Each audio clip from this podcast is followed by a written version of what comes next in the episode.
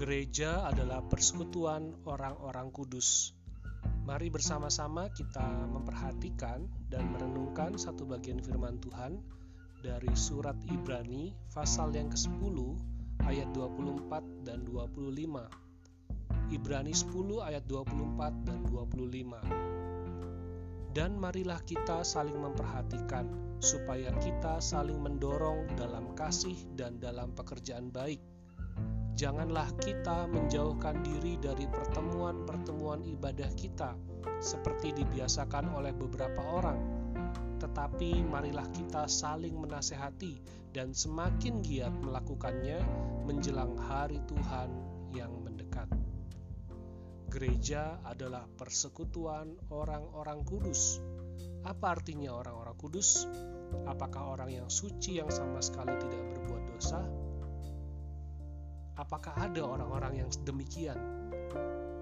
Saya rasa selama manusia hidup, selalu ada kesempatan untuk berdosa.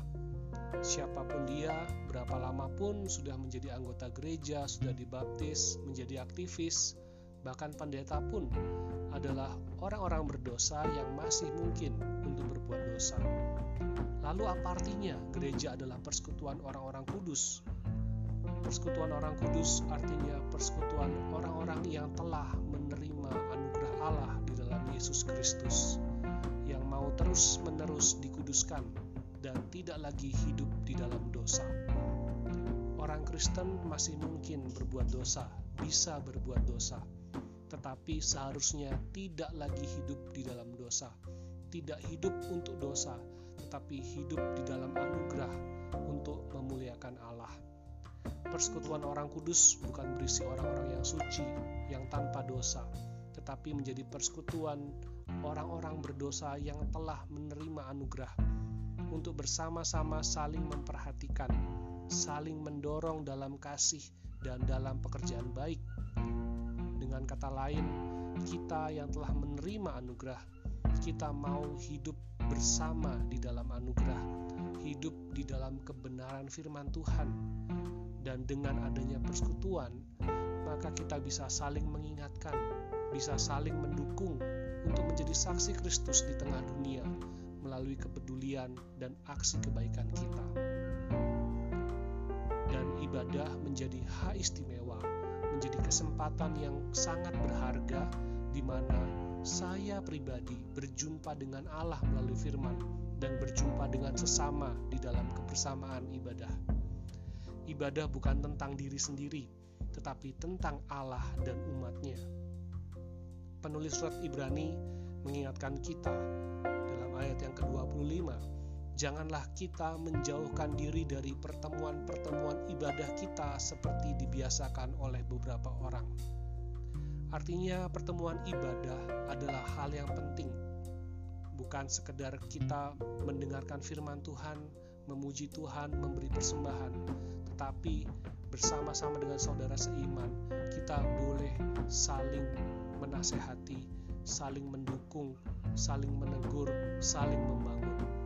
Sesama saudara seiman adalah cermin yang dapat menolong kita untuk melihat bagaimana diri kita sebenarnya.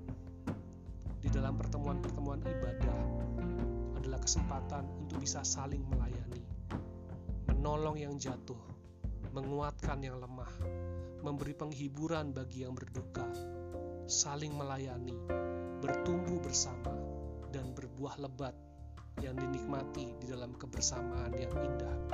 Itulah persekutuan orang-orang kudus, dan gereja adalah persekutuan orang-orang kudus. Setiap kita, orang-orang kudus, orang-orang yang telah menerima anugerah Allah, kita wajib memelihara persekutuan dan persaudaraan dengan orang-orang kudus lainnya, dengan saudara-saudara seiman di dalam pertemuan-pertemuan ibadah kita kepada Allah dan dalam pelayanan rohani yang berguna untuk saling membangun, saling menguatkan satu dengan yang lain. Orang-orang kudus harus saling memperhatikan, saling menasehati, dan saling mendorong dalam pekerjaan baik.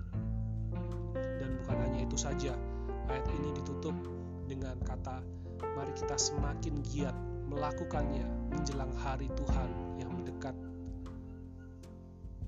Biarlah firman Tuhan ini boleh menolong kita menjadi gereja yang benar, yaitu gereja adalah persekutuan orang-orang kudus.